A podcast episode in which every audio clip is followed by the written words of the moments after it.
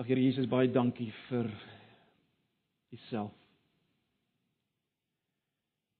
Dankie dat ons as gevolg van U en U werk in ons plek volkome offer wat U vir ons gebring het met vrymoedigheid tot U kan nader in hierdie oggend deur ons sang, deur ons gebed, deur ons hier wees by mekaar. Dankie vir genade onbeskryflik groot. Here, ons is so bewus daarvan dat ons nie een oomblik eendag sal kan bestaan as dit nie vir genade is. As dit nie vir U is nie, Here Jesus, sal U ons moet verdelg. Ons dankie vir genade. Ons dankie vir Uself. Nou wil ons bid Here dat U ook U woord sal gebruik, U woord wat volgende dalk bietjie vreemd op ons oor gaan val. Dat U woord sal gebruik om met ons te praat, met ons te werk en ons juist te dryf na U, na U self met vrymoedigheid. Asseblief, ons vra dit in Jesus se naam. Amen.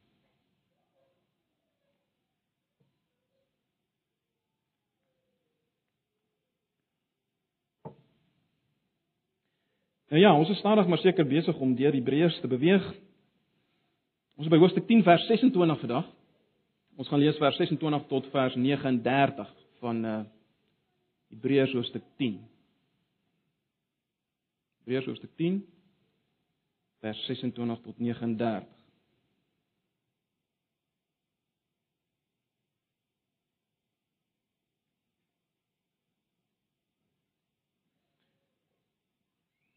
Vers 26: Wanneer ons opsetlik bly sondig nadat ons die kennis van die waarheid ontvang het, is daar geen offer meer wat ons sondes kan wegneem nie. Daar bly alleen 'n verskriklike verwagting oor van oordeel en 'n gloeiende vuur wat die teenstanders van God sal verteer. As iemand die wet van Moses oortree en twee of drie getuies bevestig dit, word hy nie begenadig nie, hy word doodgemaak. Hoeveel swaarder straf dink julle sal hy kry wat die seun van God verag het die bloed van die verbond waardeur hy geheilig is geminnig het en die gees van genade beledig het. Ons weet tog wie hy is wat gesê het dit is my reg om te straf, ek sal vergeld en verder die Here sal oor sy volk oordeel. Dit is verskriklik om in die hande van die lewende God te val. Dink terug aan die vroeë dae toe God julle tot die lig gebring het, hoe julle in die stryd staande gebly het, toe julle baie moes ly. Deels is julle deur beledigings en vervolging openlik tot bespotting gemaak en deels het julle gelei omdat julle julle vereenselwig het met ander wat hierdie dinge oorgekom het. Julle het met die gevangenes meegevoel gehad. En toe op julle besittings beslag gelê is, het julle dit met blyd uh, met blymoedigheid aanvaar omdat julle geweet het dat julle besitting het wat beter en blywend is. Julle geloofsvertroue moet julle dus nie prysgee nie. Dit hou groot beloning in. Volharding is wat julle nodig het om die wil van God te doen en te ontvang wat hy beloof het. Nog net 'n kort kort tydjie. En hy wat kom sal kom en nie talm nie. En wie deur my vrygespreek is omdat hy glo, sal lewe. Maar as hy terugdeins het ek het ek aan hom niks meer nie. Maar ons is nie van die wat terugdeins en verlore gaan nie. Nee, ons glo en ons sal lewe.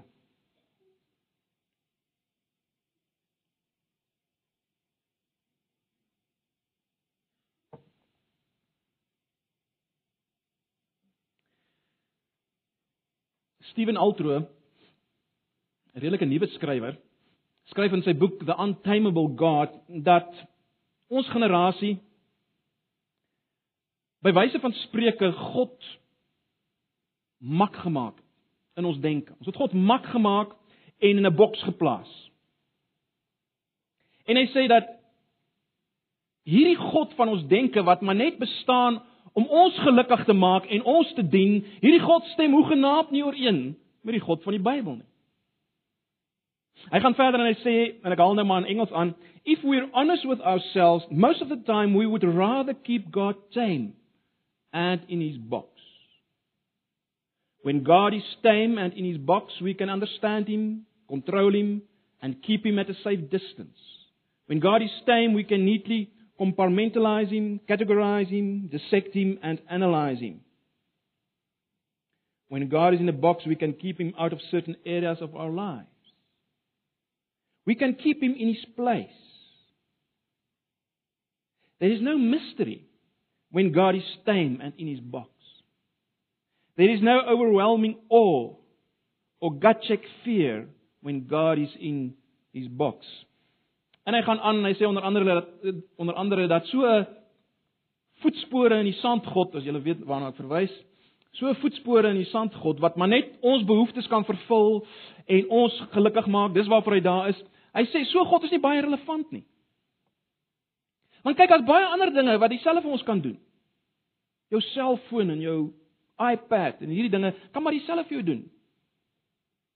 As dit is, is dit alles wat God of waarvoor God daar is om maar net jou lewe te vervul, jou behoeftes te vervul en jou gelukkig te maak. Dis 'n irrelevante en vervelige God. Dis 'n vervelige God. En die hele punt natuurlik van Altro in sy boek en dit wat ons vanoggend moet vat is die feit dat die die God van die Bybel, die God waarmee ons besig is, is nie 'n vervelige God nie. Is nie 'n irrelevante God. Ons God en ons het al daaroor gepraat, is geweldig. Hy's geweldig. Hy's ontzagwekkend. Hy's ontembaar.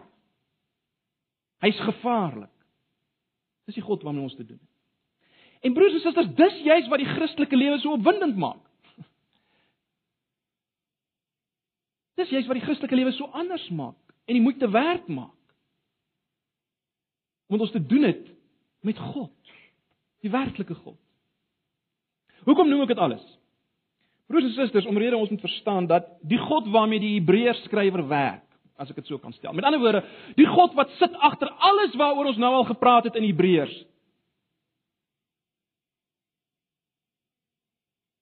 Hierdie God is 'n ontembare God.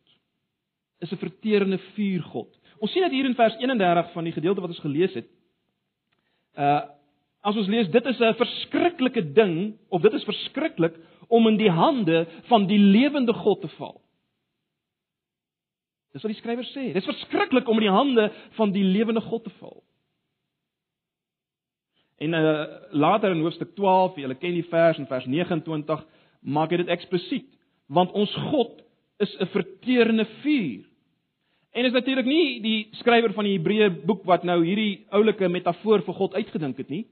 Dis hoe God homself openbaar het vanaf die brandende bos toe hy met Moses begin het. Jy sien, dis die God wat sit agter die ou verbond wat met Moses en die volk op Sinaï gesluit het, is die verterende vuur God. En gaan lees maar julle Bybels, gaan lees maar Numeri 11 en en ander gedeeltes hoe God letterlik as 'n vuur uitgebreek het onder die volk. So dis die agtergrond van 'n uitspraak soos die in Hebreërs 12 vers 29. Maar goed, terug na die gedeelte wat ons gelees het. Ons moet verstaan, ons moet verstaan dat agter hierdie gedeelte wat ons nou gelees het, en veral vers 26 tot 31 sit hierdie God Dis die God waarmee ek sê dit weer, die Hebreërs skrywer as te ware werk. En met die werklikheid van hierdie God kom die skrywer en hy gee in die eerste plek 'n waarskuwing. So as julle kyk op julle ehm um, preekramwerkies, dis die eerste opskrifie, né? Nee. Wees gewaarsku, dis wat die skrywer sê in vers 26 tot 31. Wees gewaarsku. Ons lees in vers 26 van 'n situasie waar daar geen offer meer is vir sondes. Of wat ek so sê, as geen offer meer wat sondes kan wegneem nie. Dis die situasie wat hy in vers 26 skets. En in vers 27 sê hy dan daar bly alleen 'n verskriklike verwagting oor van oordeel en 'n gloeiende vuur wat die teenstanders van God sal verteer. En dit maak ons 'n bietjie ongemaklik, is dit nie? Dit maak ons 'n bietjie bang. En dit behoort dit te doen. Dit behoort dit te doen. Want ons is besig met die ware God. En ek is nie vanoggend hier om om hierdie God te probeer verdedig en te sê, ag, dit is nie regtig so nie. Ek kan dit nie doen nie. Dan trek ek mos die tande van hierdie teks. Maar kom ons staan nader aan aan aan wat die skrywer hier sê. Kom ons kyk eers van watter sonde word hier gepraat waarvoor daar geen offer meer nodig is. Kom ons kyk kyk wat sê die skrywer. In eerste plek sê hy hierdie hierdie sonde is opsetlike sonde. Dis die eerste ding wat ons raak sien. Dis opsetlike sonde. Nou die woord wat hier gebruik word dui op 'n gewillige deelname aan iets waarvan jy bewus is wat jy doen. Mens kan sê dis 'n doelgerigte opstand, 'n doelgerigte rebellie teen die waarheid. Opsetlik. Verder meer is dit so opsetlike rebellie nadat die kennis van die waarheid ontvang is. Nadat die kennis van die waarheid ontvang is, dis die tweede ding wat ons hier sien, né? Nee. Met ander woorde, dis mense wat kennis ontvang het van dit waarna ons tot nou toe gekyk het. Die waarheid waaroor hier gepraat word, is maar nie net uh iets algemeen nie of die waarheid omtrent 'n spesifieke sonde nie. Met ander woorde, uh as jy weet lieg gesonde en jy lieg, uh, dis nie heeltemal waarvan hy praat nie, hoor. Wat is die waarheid waarvan hy praat in die konteks? Waarvan praat hy? Wel, dis die waarheid waar waaroor ons nou al vir weke lank gepraat het en en waarmee julle besig is in julle selgroepe, die waarheid van Hebreërs wat ons in Hebreërs kry, nê? Nee. Die waarheid omtrent Jesus ons hoëpriester en die finale offer wat hy gebring het as hoëpriester. Sy werk wat hy kom doen het wat deur God, hoofstuk 7 vers 21 gesweer is. God het gesweer dat hy hoëpriester sal wees. Beteken dit dat God se woord sit agter die feit dat hy 'n volkomme offer gebring het vir sonde, finale offer en dat ons vrye toegang het tot God.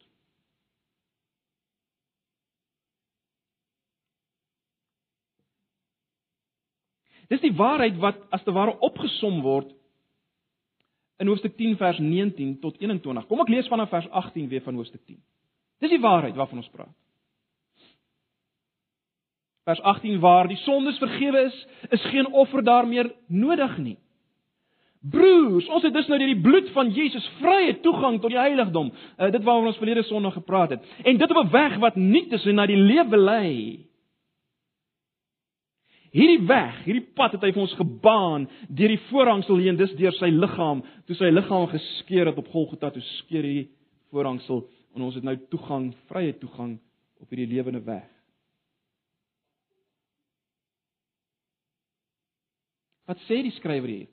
Hy sê daar's geen offer meer vir sondes nodig of of of uh daar's geen offer meer wat sondes kan vergewe as daar teen hierdie waarheid gesondig word wanneer daar opsetlik gesondig word nadat kennis ontvang is van hierdie waarheid. Hierdie waarheid wat ons nou gesien het, soos dit opgesom is hier in vers 18 tot 21. Dis wat hy sê, né? Nee. Maar kom ons gaan verder. In vers 28 verwys die skrywer weer terug na die Ou Testament. Die gedeelte wat hy waarskynlik spesifiek in gedagte het, is die gedeelte in Numeri 15 vanaf vers 27. Nou, jy kan dit of naslaan of ek sal dit vinnig lees. Uh en as jy hoor waar dit gaan, Numeri 15. Vanaf vers 27. Luister. As een persoon onopsetlik sondig, moet hy 'n jaar oud bokooi as sondeoffer bring. Die priester vers 28 moet vir die persoon wat onopsetlik gesondig het, voor my verzoening doen en as die verzoening vir hom gedoen is, sal die sonde hom vergewe word. Een en dieselfde wet geld vir elkeen wat onopsetlik gesondig het, of hy 'n gebore Israeliet is of 'n vreemdeling wat by julle woon. Maar die landsburger of vreemdeling wat moedswillig sondig, doen my die Here oneer aan en hy moet van sy volk afgesny word. Dit beteken die verbondsvloek moet hom tref, né? Nee, dit is waarvan die besnydenis natuurlik 'n teken is, die afsny as jy dit verbreek, die die verbond verbreek. Vers 31: Omdat hy die woord van die Here verag het en sy gebooie verbreek het, moet so iemand doodgemaak word. Hy moet die straf vir sy sonde dra. So dis die gedeelte wat sit agter vers 28 en 29. Nou, as ons kyk na vers 28 en 29, gebruik die skrywer 'n tegniek wat hy alreeds gebruik het, wat basies daarop neerkom, die skrywer sê, kyk, as iets waar is van 'n mindere ding, hoeveel te meer is dit waar van 'n meerdere ding? Dis die dis die dis die metodiek wat hy gebruik. So wat hy hier doen is dit, hy sê, as iets waar is onder die ou verbond, hoeveel te meer is dit waar onder die nuwe verbond? So hy hy, hy tref hierdie dit dis wat hy doen hier. Nou ons het nou al van hoofstuk 8 af af, af, af gesien hoe die skrywer uh daarop wys dat die nuwe verbond soveel beter is as die verbond by Sinai gesluit. Né? Nee, hoeveel beter is hierdie verbond? Julle sal onthou, alles van die ou verbond was eintlik maar net afbeeldings van die realiteit. En veral, veral, veral is die groot verskil dat daar is nie met sonde gehandel onder die ou verbond nie. Daar kon nie werklik gehandel word met sonde nie, né? Nee, dis dis wat ons gesien het. Onder die nuwe verbond is daar egter finaal gehandel met sonde, né? Nee. En dis wat gebeur het op Golgotha toe die finale hoofpriester met die kruis as sy offerhout die allerheiligste ingegaan het en nie net 'n offer gebring het vir sonde nie, maar homself geoffer het. Nie vir sy sonde nie, maar my en jou sonde wat op hom gelaai het. Né? Nee, ons het daarna gekyk, ons het daaroor gepraat. En hierdie offer kan harte reinig. Hierdie offer kan ons skuld wegneem. Dit wat 'n skeiding maak en 'n skare weer gooi oor ons verhouding met God. Hierdie offer kan daarmee handel. Want God het dit aanvaar. En en dit hoef nie herhaal te word. Dit hoef nie weer en weer gedoen te word nie. Dis eenmaal gedoen. En teenoor hierdie offer natuurlik is daar die ou verbond. So offers wat wat herhaal is. En wat maar net 'n uiterlike reinheid kon bewerk sodat die mense weer kon aangaan met met die rituele in die tempel in die tabernakel en so meer. Dit was nie werklike, dit was nie werklik gehandel met sonde nie. So wat is die punt van die skrywer? Die punt van die skrywer is dit: As die nuwe verbond in al hierdie dinge meer was, dan is sonde onder die nuwe verbond ook meer. Dis sy argument, né? Nee. En diepste kan ons sê sy argument is dit: As Jesus, as Jesus se offer die finale offer was wat die pad na die lewe oopgemaak het. En ek lê klem op lewe. Vers 29 uh, vers 20 van Hoofstuk 10. As Jesus se offer die finale offer was wat die pad na lewe toe oopgemaak het, wat ons vrye toegang tot God gee, as dit dit is en jy verwerp dit. En jy verwerp dit. Dan kan daar verseker nie meer vergifnis wees as wat daar was in die Numeri 15 geval nie. Kortliks, daar kan nie meer vergifnis wees. Dis sy punt. Dis sy punt. Ons kan dit alles bietjie anders stel. Julle sou opgelet het toe ons eh, toe ek in Numeri 15 gelees het in vers 31 staan daar dat hierdie persoon letterlik wat die woord van die Here verag het moet doodgemaak word.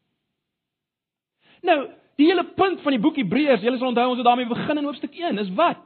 Wat is die punt van die boek Hebreërs? Die punt van die boek Hebreërs is Jesus en alles waarvoor hy staan, alles wat hy gesê het en alles wat hy gedoen het as finale hoofpriester is God se laaste finale woord aan ons. Dis wat God vir ons sê. Dis tog net logies. As jy dit wegklap. As jy jou nie daaraan steur nie.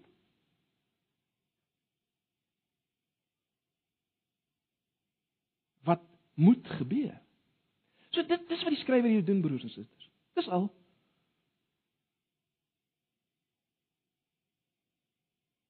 Nou gaan die skrywer verder en hy sê op drie maniere wat eintlik gebeur as mens so sondig teen hierdie waarheid. En en is eintlik nie vreemd dat hy dit so stel nie. Kom ons kyk daarna. Daar's drie dinge wat hy uitlig. En dan kan mens verstaan hoekom daar geen offer meer kan wees nie, né? Nee. Uh, hy sê sulke mense vertrap die seun van God onder hulle voete. nou dis 'n metafoor wat beide in die klassieke literatuur en in die Griekse vertaling van die Ou Testament gebruik word om te verwys na absolute minagting. In ander woorde hier's hier sprake van 'n absolute minagting nie net vir die lering van Jesus nie, maar vir die persoon van Jesus. So dis waarvan hy hier praat. In die tweede plek sê hy dat hier of dat ons hier te maak het met die bloed van die verbond wat as iets onheilig hanteer is of geminnig is. Die bloed van die verbond is geminnig of as iets onheilig hanteer. Nou uh die woord wat uh met onheilig hier vertaal word kon ook vertaal word met onrein. nou om dit te verstaan, uh in die Ou Testament sal julle weet is daar vreeslike uh klem gelê op die feit dat daar moet onderskei word tussen watter diere is rein en watter is onrein en en watter is geskik vir offerande en watter nie, nê, nee, watter kan ge, uh, kan uh, gebruik word vir offers en watter nie. En wat die skrywer van die Hebreërboek nou al gedoen het is om om oor en oor te wys dat Jesus se bloed is baie meer as as die bloed wat gebring is onder die ou stelsel. So nou, wat die mense doen wat wat wat die skrywer as te ware hier beskryf. Hy sê hierdie mense wat so opsetlik sondig nadat hulle kennis van die waarheid gekry het, wat hierdie mense doen is om as te ware te sê Jesus se offer is nie rein nie.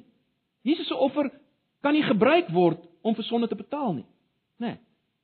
Net soos in die Ou Testament sekere diere nie net nie geskik was vir 'n offer nie. In effek sê jy Jesus is nie geskik vir die finale offer nie. Dit is wat hier ter sprake is. Dit is geweldig, is dit nie? En dan laastens sê die skrywer, hulle die gees van genade beledig of hulle benade, eh, beledig die gees van genade. Baie interessant, Jesus in in in in Markus 3 byvoorbeeld van vers 22 uh, as hy duiwels uitdryf dan sê die mense hy hy hy doen dit nie deur die gees nie maar eintlik deur die duiwel dryf hy duiwels uit. En Jesus gaan so ver om te sê dis eintlik die sonde teen die Heilige Gees want jy jy skryf die werk van die Gees van God toe eintlik aan die duiwel. Nou nou is iets hiervan hier ter sprake waarskynlik, né? Nee. Dis die Gees se werk om om om hierdie boodskap van toepassing te maak in jou lewe en en jou te oortuig daarvan ensovoorts. En let wel, dis die Gees van genade. Onverdiende guns word jou aangebied en en en dan dan minag jy dit. Dan minag jy dit. Wat kan oorbly? Kom ek stel dit so broers en susters, Jy kan eintlik geen respek hê vir 'n God wat so sonde oorsien. Bro. Ek kan nie. Nou, die vraag is natuurlik, wanneer gebeur dit? Miskien 'n vraag waarmee waarmee waarmee ons sit op hierdie oomblik, maar wanneer gebeur dit dat jy dat jy so doelbewus nadat jy die kennis van die waarheid het, so sondig dat dit 'n vertrapping is van die seun van God. 'n Onrein ag van van die van sy offer en van die verbond en en 'n belediging van die gees. Wanneer gebeur dit? Nou broers en susters, ek wil ek wil dit duidelik stel. Binne die konteks van wat ons nou al gelees het in Hebreërs en die verse net voor dit en die verse net na dit, uh gaan dit nie hier oor oor oor dinge soos egbreek, in diefstal, in moord en sulke dinge nie. Nie hier nie, nie nou nie. Die antwoord kan niks anders wees as as dit. Hierdie sonde vind plaas wanneer jy nie meer deur geloof vat dit wat God in Jesus die Hoëpriester gedoen het nie. Dis wanneer dit gebeur. Wanneer jy nie vat dit wat God in Jesus die Hoëpriester gedoen het nie. En jy wys dit deurdat jy nie tot God nader nie. Hoe kan ek so sê? Wel, omdat ons al reeds in hoofstuk 4 gesien het dat die sonde wat wat wat maak dat jy nie die rus ingaan nie is ongeloof. Onthou julle dit? Gaan lees maar weer hoofstuk 4. Dis ongeloof. En in hoofstuk 10 vers 35 en vers 38 ehm um, is dit baie duidelik dat dit oor geloof gaan, né? Baie duidelik dat dit oor geloof gaan. Kyk na vers 35. Julle geloofsvertroue moet julle dus nie prys gee nie.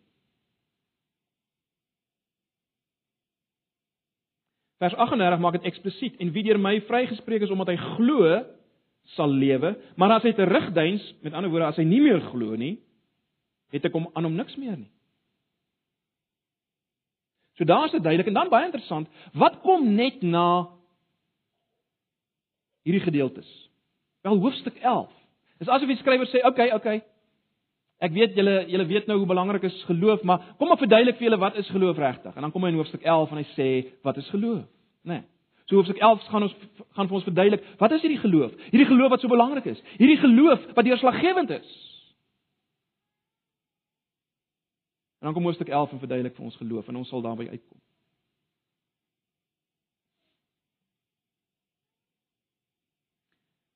So dis waaroor dit gaan hierdie broers en susters.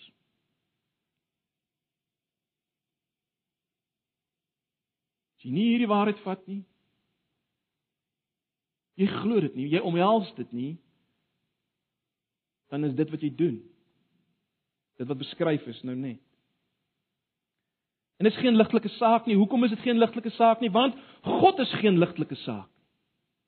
Dis hoekom dit geen ligtelike saak Luister net weer na die laaste verse. Ons weet tog wie hy is wat gesê het, dis my reg om te straf. Ek sal vergeld en verder die Here sal oor sy volk oordeel vers 31.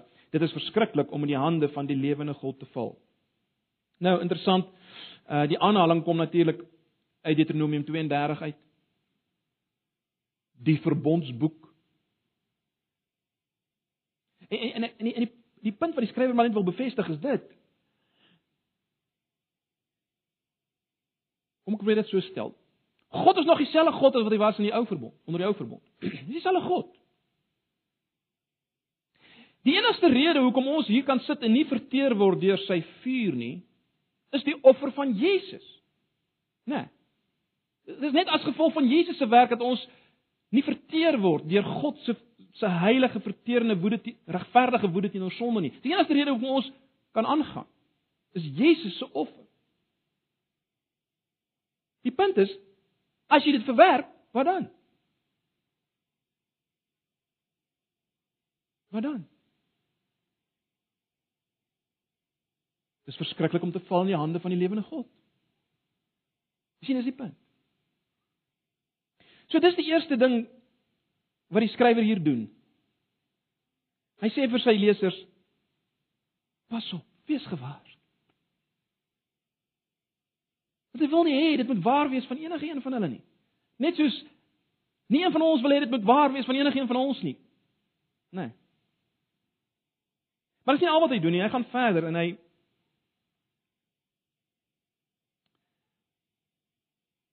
Hy sê in vers 32 tot 34 basies dit. Hy sê: "Onthou julle verlede." Ja, ek het nou hierdie dinge gesê, maar onthou 'n bietjie julle verlede. So wat hy hier doen is om as om is om as te ware sy lesers terug te vat na na na hulle verlede wat waar is van hulle lewe wat gebeur het en en hy wil hê hulle moet daaruit bemoedig word. Kom ek stel dit so, hulle verlede dui daarop dat hulle nie die offer van Jesus verwerp het nie. Hulle verlede dui daarop dat hulle nie gesondig het teen die waarheid nie. Nee. Hulle verlede dui daarop.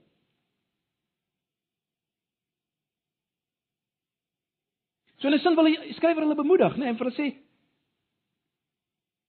As julle dink aan julle verlede, sjoe man, dit wys dat dit nie waar is van julle nie. Julle julle hou vas aan Jesus en sy offer. Hoe word dit duidelik? En dit is nou baie interessant. Toe ek nou weer daar gaan oor nadink, dit word nie duidelik uit uit allerlei geestelike oorwinnings wat hulle behaal het nie. Jy weet, geweldige dinge wat hulle vir die Here gedoen het wat bewys dat hulle werklik glo nie. Dis dis nie wat hy na verwys nie. Hy verwys na hulle swaar kry. Hulle swaar kry. Hulle moeilike tye wat hulle deurgegaan het. En as vier dinge wat hy hier sê wat hulle vier tipes behandeling wat hulle deurgegaan het, nê. Nee, hulle is eerstens in die publiek belaglik gemaak, ontbloot, verbaal en fisies te nagekom in die publiek. Hulle het swaar gekry. Dis uitgedruk. Vir wat? Hoekom? Omdat hulle vasgehou het aan Jesus en dit wat hy gedoen het. Verder het hulle die pyn beleef om te identifiseer met sulkes. Aan die ander woorde verdere pyn en lyding wat hulle deurgaan het, is nie net wat hulle self beleef het nie, maar hulle was so een met die ander broers en susters met wie dit gebeur het dat dit vir hulle pyn ingehou het. En en die skrywer sê, man, ja. Dis wat met hulle gebeur het. Implisiet, dit wys dat jy glo. En in die derde plek, hulle het saam gevoel met die gevangenes. Hulle het saam gevoel met die gevangenes, sien julle dit? In ander woorde, dis nou die ander ouens wat in die gevangenis gegooi is omdat hulle gestaan het vir die evangelie. So hierdie mense het swaar gekry in hulle simpatie en hulle ontferming. Uh, ons lees in Hoofstuk 13 dat dit vir hulle gevoel het asof hulle self in die gevangenis was. Die vierde ding wat hulle beleef het is dit uh hulle goed is gekonfiskeer. Nou blykbaar in in in 49 na Christus het die tipe van ding gebeur. Ek wil nie nou daarop ingaan nie. Die belangrike punt is hier, toe hierdie ouens se goed weggevat is, hulle besittings is gekonfiskeer. Toe dit gebeur het, het hulle dit aanvaar. Hoe kon hulle dit aanvaar? Omrede hulle geweet het hulle 'n beter blyplek. Hulle was oortuig daarvan. Hulle het dit geglo dat hulle 'n beter blyplek het.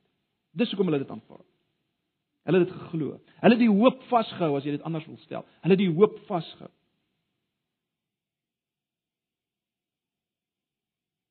En daarom en dit bring ons by by die laaste opskrifie op die raamwerk. Daarom is die die die skrywer se laaste oproep vir hierdie ouens is bloot dit: volhard.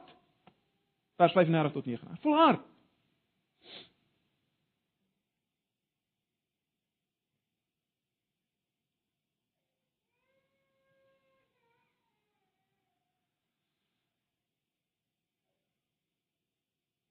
En dan oor julle julle sien sy logika, nee, hy, hy wil hulle bemoedig deur deur hierdie verse waarna ons nou net gekyk het. Vers 32 tot 35 hy wil bemoedig en sê, "Sjoe, kyk wat het gebeur in julle lewens en dit bewys dat julle glo." En al wat hy nou kom doen in vers 35 tot 39 is om hulle te sê, "Man, gaan aan daarmee. Gaan aan met hierdie geloof. Dis wat julle nodig het. Gaan net aan daarmee." Dis wat hy doen, né? Nee. Maar broers en susters, dis belangrik dat ons dit sal sien. Die Christelike pad en ons moet dit vir mekaar weer en weer sê, is 'n pad van geloof. Kan dit nie sien nie. En ons sal daaroor praat as ons kom by hoofstuk 11. Nie pad van sien nie. 'n Pad van geloof in dit wat ons lees God vir ons gedoen het in Jesus. En deur volharding moet ons dit vat wat God vir ons gedoen het in Jesus ons Hoëpriester. Broers en susters, ons moet vashou. Ons moet vashou aan wat? Ons moet vashou aan die feit dat die die Groot Testamentmaker God self het mens geword en sy bloed het gevloei vir wat? Om ons by hom te bring. Die testamentmaker God wat die verterende vuur God is. Die God in wie se hande dit gevaarlik is om te val. Daardie God wil in 'n verbondsverhouding met ons wees. En ons moet aan vashou. Dit wat hy gedoen het om dit waar te maak. En ons moet voortgaan om te leef in die lig daarvan, ons lewens in te rig in die lig daarvan. Dis dis waar dit gaan. Lewe deur geloof. Lewe deur geloof. Julle sal sien in in in vers 37 en 38 haal die skrywer weer aan uit die Ou Testament. Nou is eintlik 'n kombinasie van twee gedeeltes.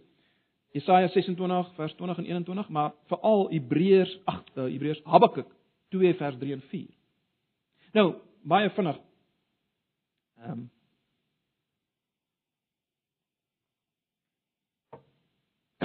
Wat in Habakuk gebeur het is dat onthou julle Habakuk moes aankondig dat God die Galdeërs gaan stuur om die volk te oordeel. Dit was sy boodskap. Skrikwekkende boodskap.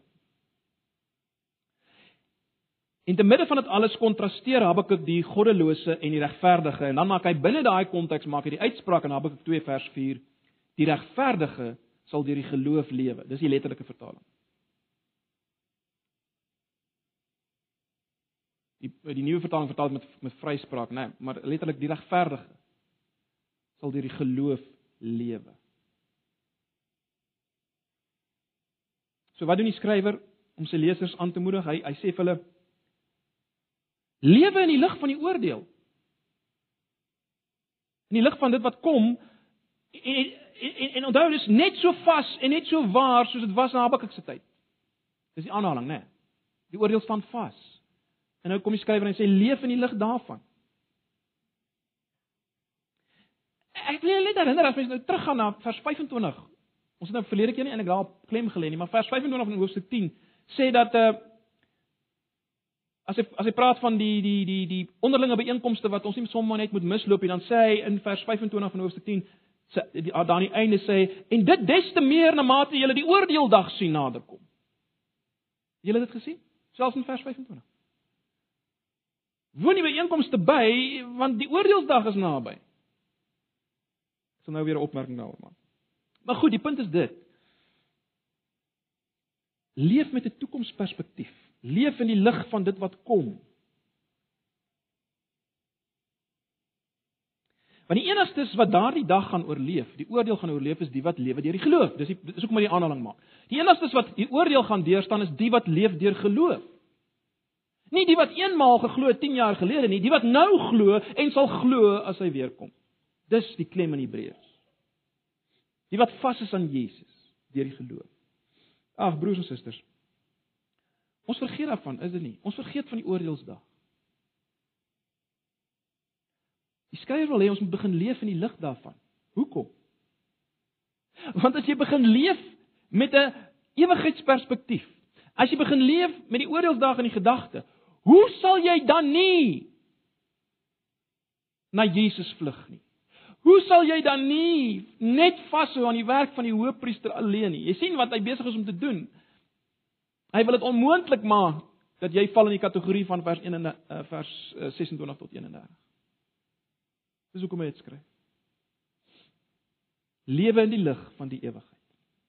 So lewe deur geloof en lewe in die lig van die ewigheid. Ek sluit af met net 'n paar opmerkings van toepassing. Net 'n paar toepas uh, toepassingsgedagtes. Ag, broers en susters, ons moet maar net weer besef wie die God is waarmee ons besig is. Hy is die een wat die verterende vuur God is. In wie se hande dit gevaarlik is om te val buite Jesus sonder Jesus se offer. En dit moet 'n ontzag vir hom in ons wek. Ons moet in die lig van hierdie gedeeltes 'n ontzag vir hom hê, 'n gesonde vrees as jy wil. 'n Gesonde, ek ek lê klem op die op die op die woord gesonde en jy sal sien hoekom ek nou so sê.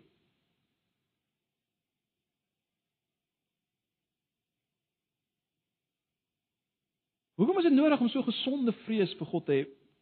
Broers en susters, omdat dit juis die wonder daarvan om vrye toegang tot hom te hê, dit maak dit soveel meer opwindend. Jy sien as jy net vrye toegang het tot 'n voetspoor in die sandgod, is nie so opwindend nie, is dit? Maar as jy toegang het tot die verterende vuur God,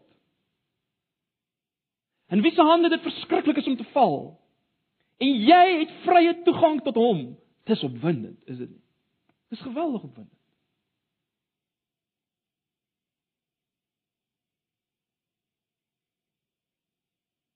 Ek meen, die God in wie se teenwoordigheid ons kan kom is is aan aanswekkend, hy's heerlik, hy's onsagwekkend. Jy sien dit moet ons as te ware met met 'n tint, tinteling, as ek dit so kan stel, 'n heilige tinteling na hom toe dryf. 10 vers 22 om te nader tot hom. Om te nader tot hom. Om te skuil in 'n rots as die weerlig en die blitse die donder buite is is is is baie meer heerlik, is dit nie? So laat toe dat hierdie gedeelte jou weer 'n 'n ontsag gee vir God, 'n vrees in in die regte sin van die woord 'n vrees vir God. So dis die eerste ding wat ek wil sê. In die tweede plek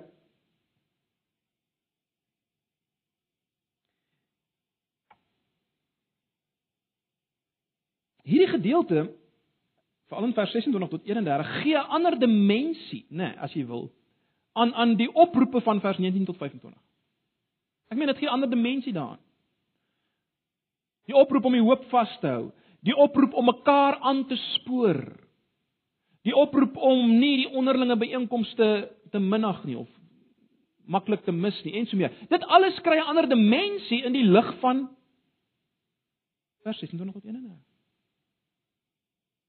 Dit kry gewig. Want al die dinge wat genoem is in 19 tot 25 is genademiddels wat ons help om nie weg te draai van geloof en die gevolge van vers 26 tot 31. En daarom dit gee 'n ander dimensie daar, né? Nee. 'n Derde punt wat ek net wil uitlig is dit. Broers en susters, ons moet ons moet teenkanting en en verwerping as te ware omhels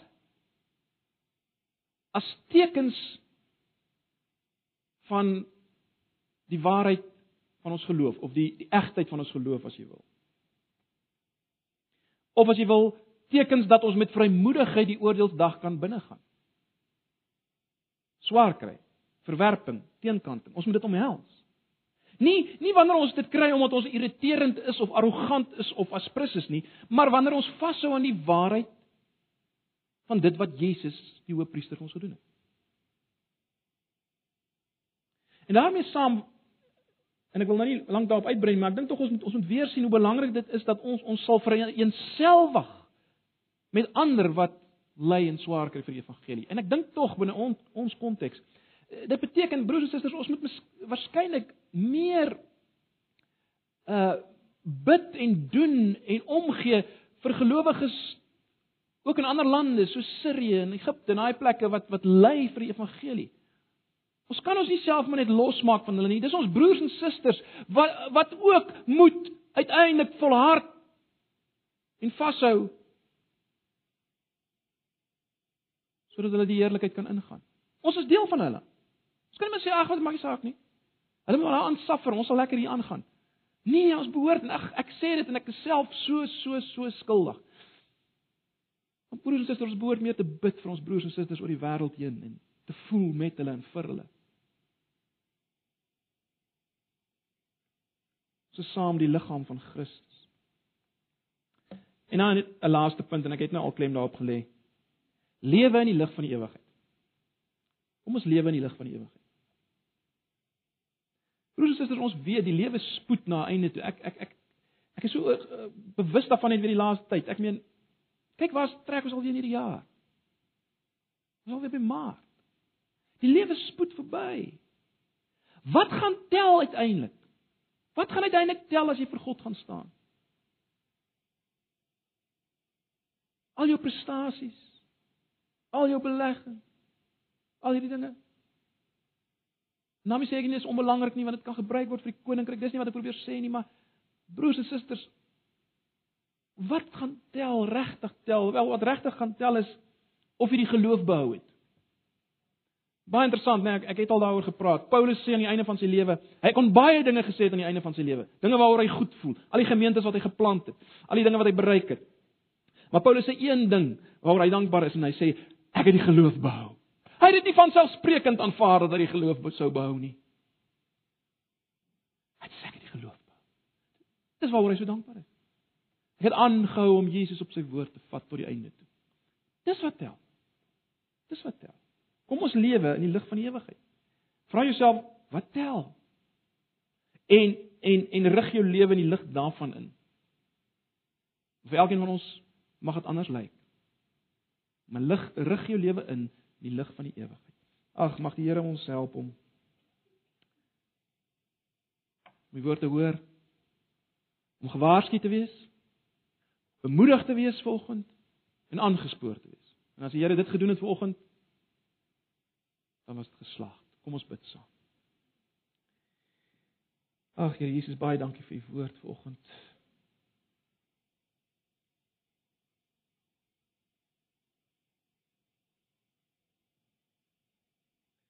So vra dat u maar net self die naprediker sal wees en die woord sal gebruik om ons te waarsku, om ons te bewaar van 'n rugdraai op die evangelie nadat ons dit gehoor het en dit ken. Ag Here, bewaar ons daarvan. Asseblief, elkeen van ons. Baie dankie weer eens vir dit wat U vir ons gedoen het. Soos beskryf in Hebreërs. Ons eer U daarvoor in Jesus se naam. Amen.